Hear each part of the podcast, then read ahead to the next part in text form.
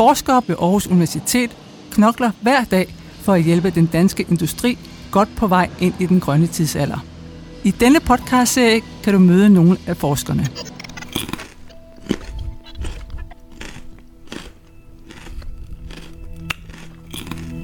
Vi skal spise mindre kød og mere grønt.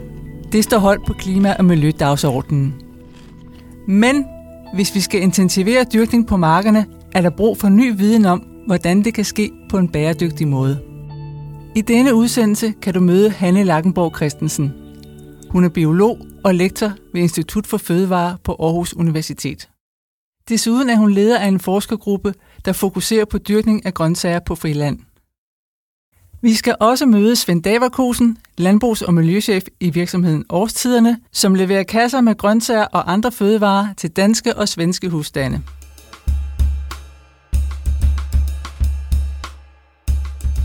Her Hanne Lackenborg Christensen.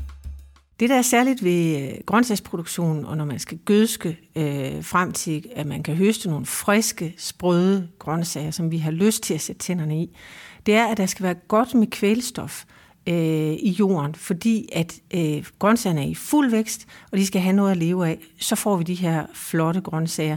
Øh, men det betyder også, at der uværligt efterlades, øh, nemt efterlades meget kvælstof efter mange grøntsager.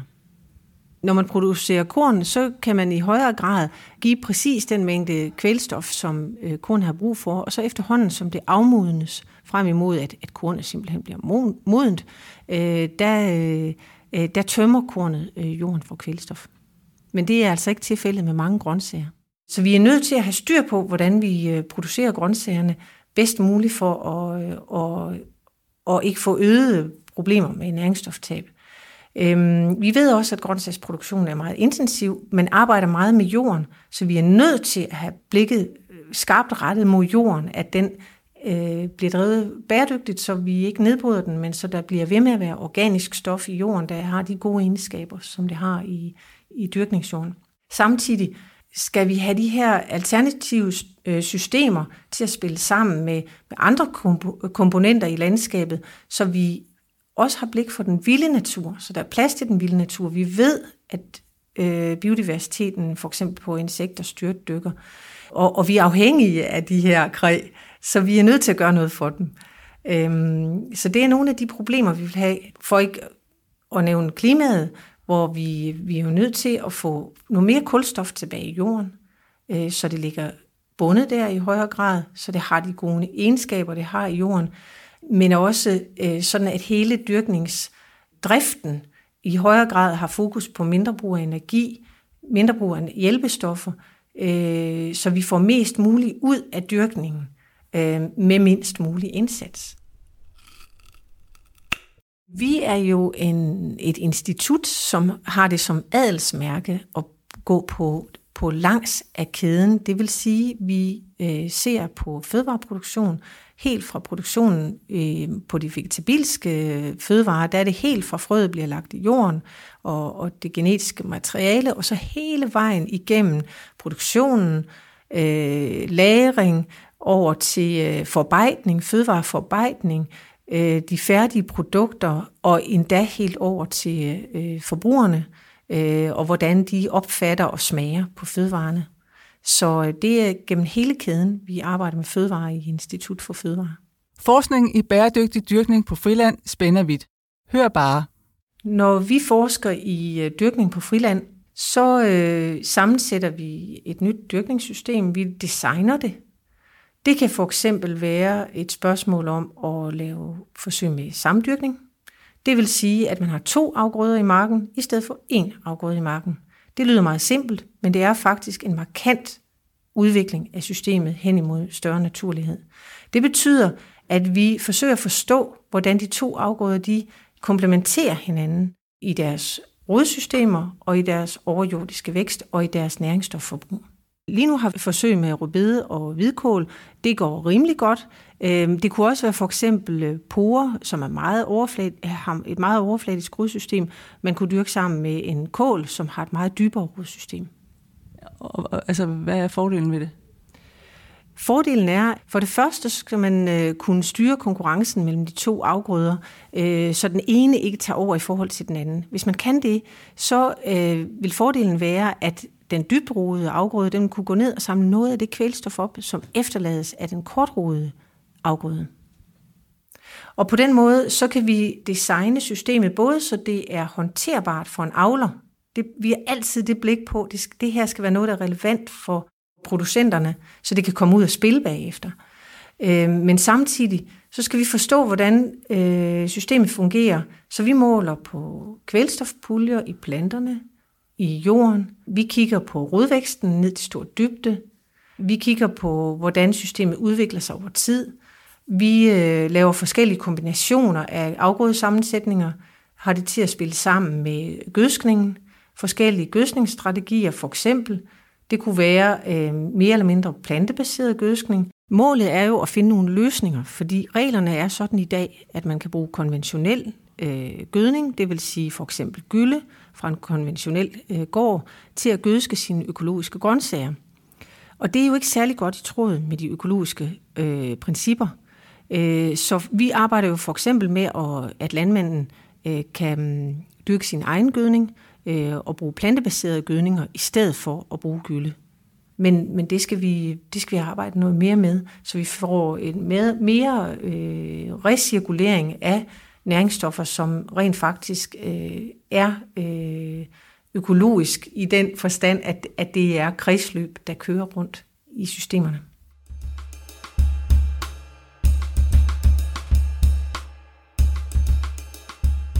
Et eksempel på et forskningsresultat, som jeg venter mig rigtig meget af, øh, er et helt nyt et, hvor vi øh, har opbygget to sædskifter, fem års sædskifter.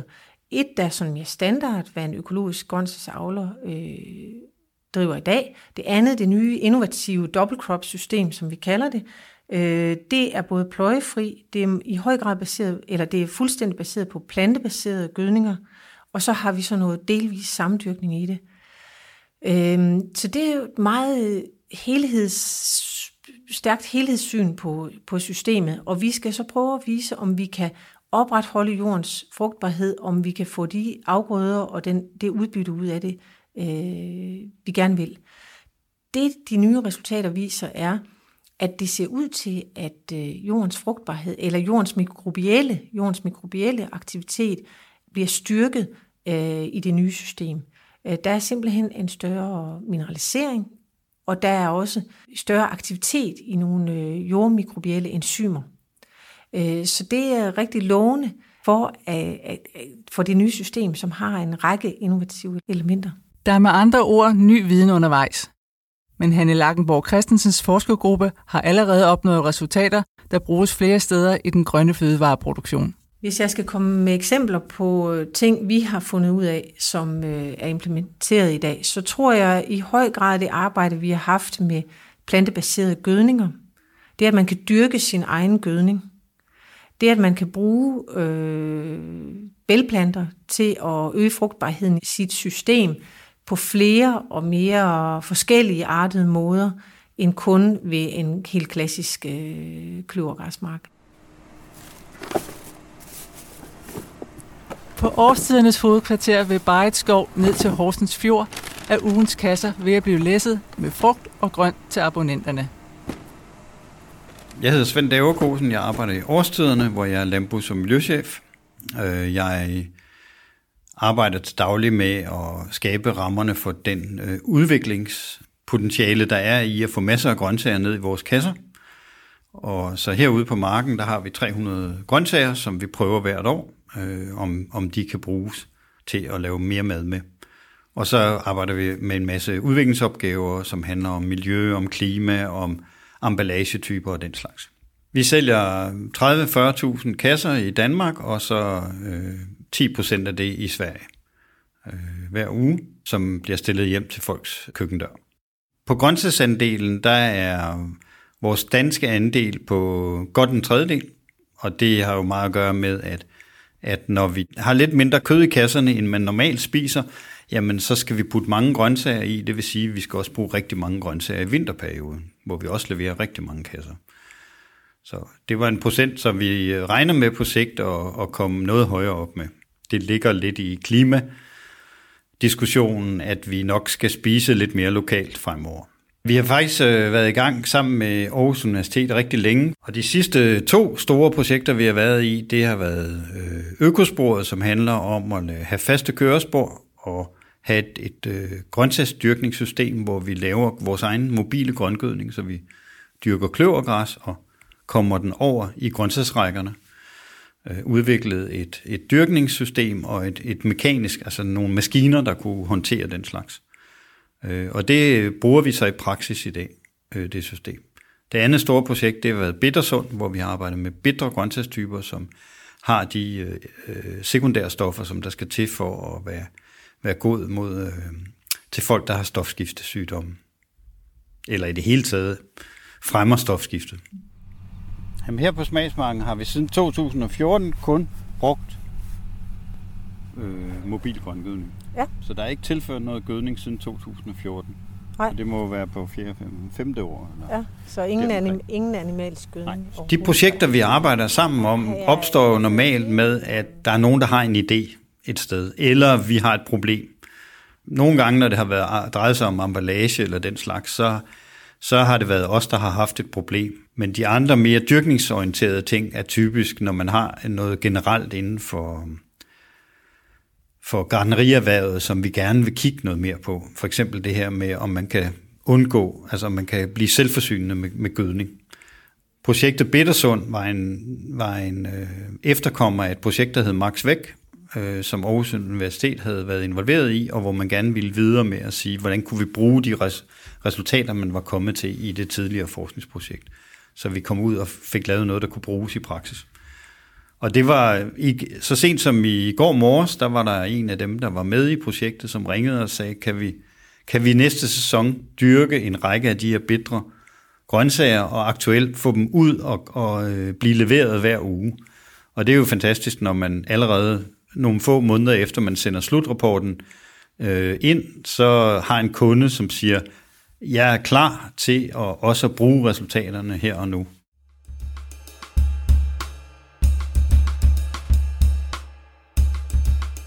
de forskningsresultater, vi opnår, de ryger som regel øh, mere direkte ud til, øh, til avlerne, øh, øh, fordi at de er med i projekterne, og vi holder åbent hus og markvandringer osv. Øh, så avlerne, de, hvis der er noget, de synes, der er interessant, og de kan bruge til noget, så venter de ikke på en publicering. Det er mere for, for at kunne sætte streg under resultaterne, at vi publicerer videnskabeligt. Øh, fordi at så er tingene virkelig blevet grænsket og kvalitetssikret. Men øhm, erhvervet, de står parat til at, at øh, modtage de resultater, som, som de kan bruge til noget. Der kan så være forskellige barriere, der gør, at tingene ikke altid lige bliver overført. Og det kan være fordi, at der skal udvikles på flere områder.